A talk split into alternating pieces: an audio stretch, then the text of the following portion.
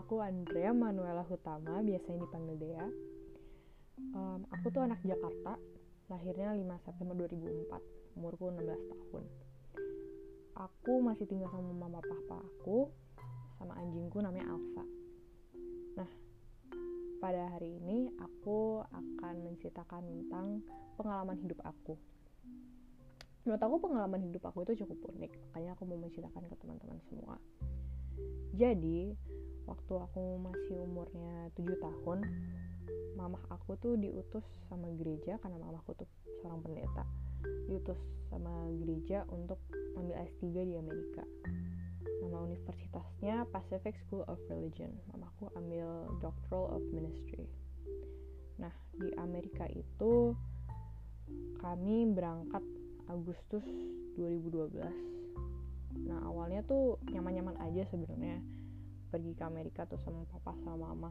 Tapi papa tuh tinggal di Amerika sama kami tuh cuma selama 10 hari aja sih. Habis itu aku baru ingatkan kembali sama perpisahan. Baru sadar kalau misalkan emang harus berpisah sama keluarga itu waktu pas papa harus pulang balik ke Indonesia.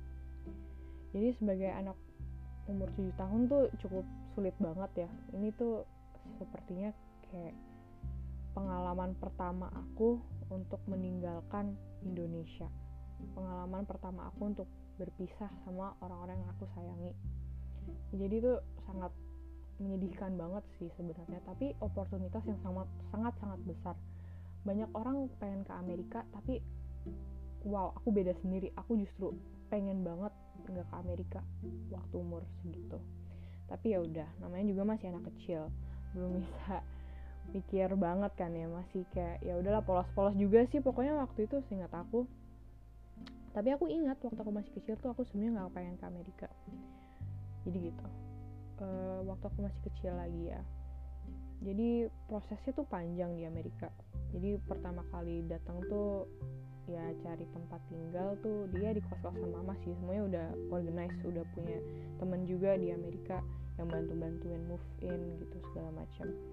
Nah waktu pertama kali datang ke Amerika pokoknya seneng banget karena banyak yang bantuin. Mama juga punya banyak hubungan sama orang-orang di Amerika itu. Jadi baik banget sih orang-orang Amerika ya awalnya perspektifku sih gitu nah terus aku mulai sekolah. September tuh baru masuk sekolah. Sekolahnya juga baik banget sebenarnya. Aku udah dapet teman baru gitu udah bisa teman sama orang-orang sana gitu.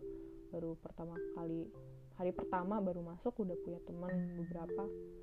Malah lucunya udah disukain sama udah ada cinta-cinta kisah cinta lah pokoknya baru pertama kali masuk sekolah tuh udah ada kisah cinta pokoknya lucu banget sih tapi ya masih SD waktu itu ya cinta monyet lah.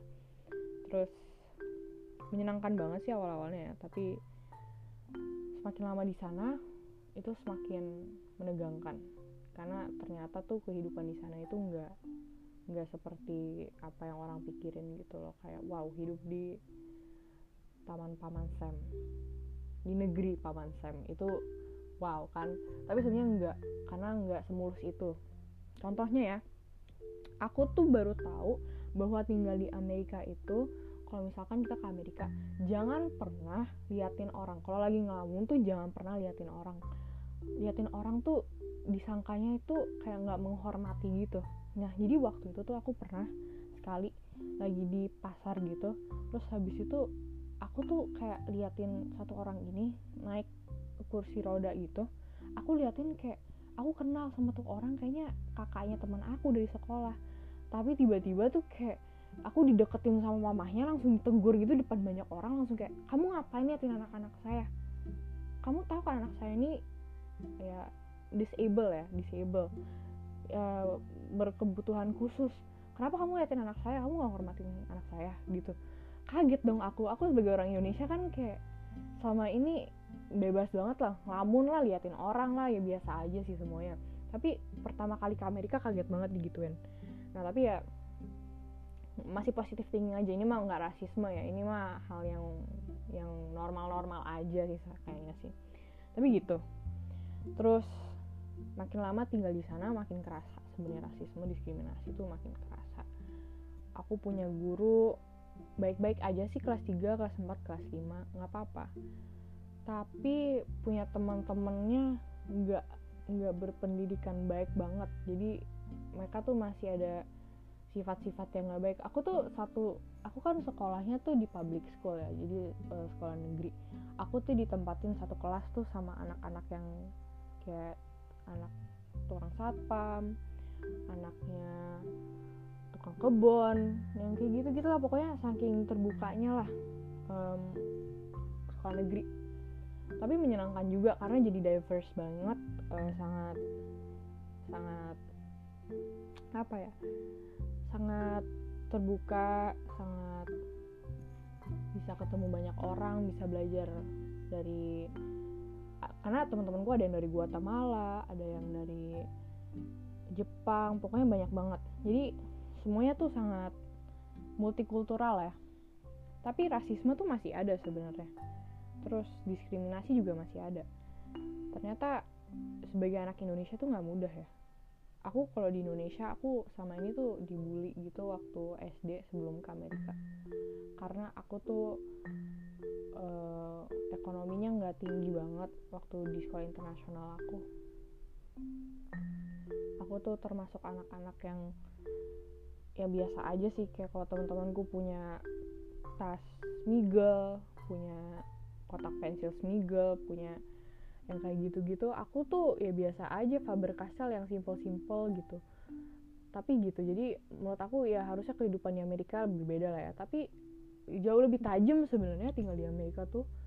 Di Amerika ternyata karena aku beda kulit aja itu jadi permasalahan banget sepertinya. Terus kaget aja sih aku. Terus jadi gitulah. Tapi lama-lama makin kerasa kan aku bilang tadi. Makin kerasa diskriminasinya. Aku bisa lagi ke toko sama mamaku mamaku itu kayak dimarah-marahin depan banyak orang. Cuman karena dia orang Asia yang dikira kayak nggak ngerti bahasa Inggris. Jadi kayak dimarah-marahin gitu kayak iya taruh uangnya di tangan saya gitu. Maksudnya nggak ada orang yang kayak harusnya hal yang sesimpel itu sesederhana itu tuh harusnya ya manusia nggak saling melakukan itu dong kalau mau adil ya kan? Taruh uangnya di tangan saya bu gitu.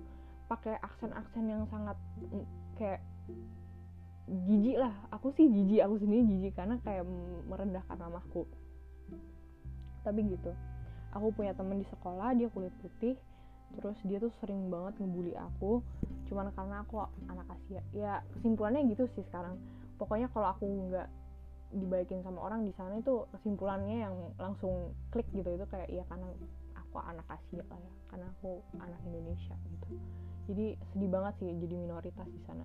Tapi kehidupan di sana aku jadi belajar untuk hidup terbuka untuk punya namanya kalau di sana panggilannya open mindedness aku jadi belajar untuk punya pikiran terbuka uh, menerima segala kondisi yang ada di sana aku jadi belajar untuk menjadi orang yang lebih baik lagi untuk menjadi orang yang lebih dewasa.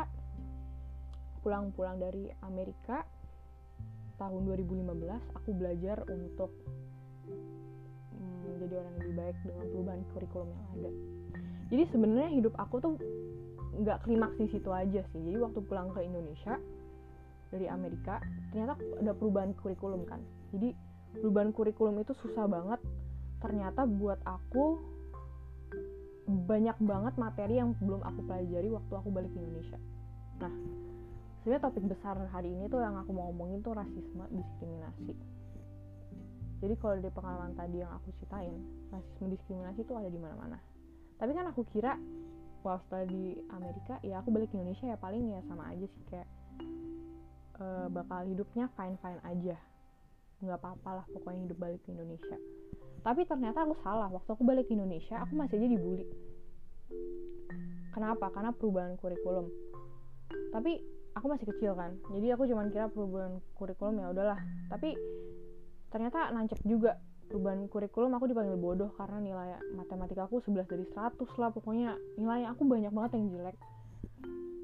Tapi semakin lebih tua lagi tuh aku tuh lebih menyadari bahwa hidup tuh bukan cuman karena ekonomi rendah bukan cuman perubahan kurikulum tapi emang rasisme diskriminasi juga ada di Indonesia. Jadi itu mengikuti aku ke mana-mana aku pergi.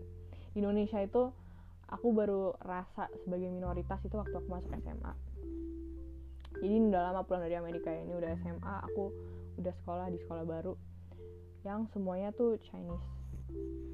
Baru tahu bahwa rasisme tuh ada waktu teman-temanku nanya-nanya ke guruku lagi waktu itu lagi ngomongin tentang kompetisi olimpiade OSK geografi. Terus temanku ada yang nanya gitu e, Miss emangnya kalau kita lawan negeri emang bisa ya ada diskriminasi? Nah itu aku baru kerasa gitu loh kayak wow ternyata diskriminasi di Indonesia sebagai Chinese tuh benar ada ya? Kaget aku karena udah Kristen udah Chinese udah perempuan itu minoritas banget kayaknya di Indonesia tuh. Jadi ya untungnya sih sekarang aku belum dapetin impact uh, langsung kayak dapet negatif negatifnya jadi orang Chinese ya puji Tuhan sih belum ya. Tapi ya aku mau cerita ke teman-teman aja kalau misalkan kita hidup tuh kalau sebisa mungkin kita harus saling bertoleransi lah ya.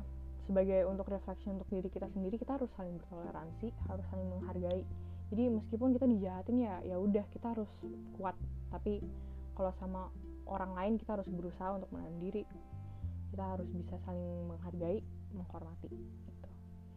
jadi terima kasih udah mendengarkan podcast aku hari ini semoga teman-teman menyukai ya kasih.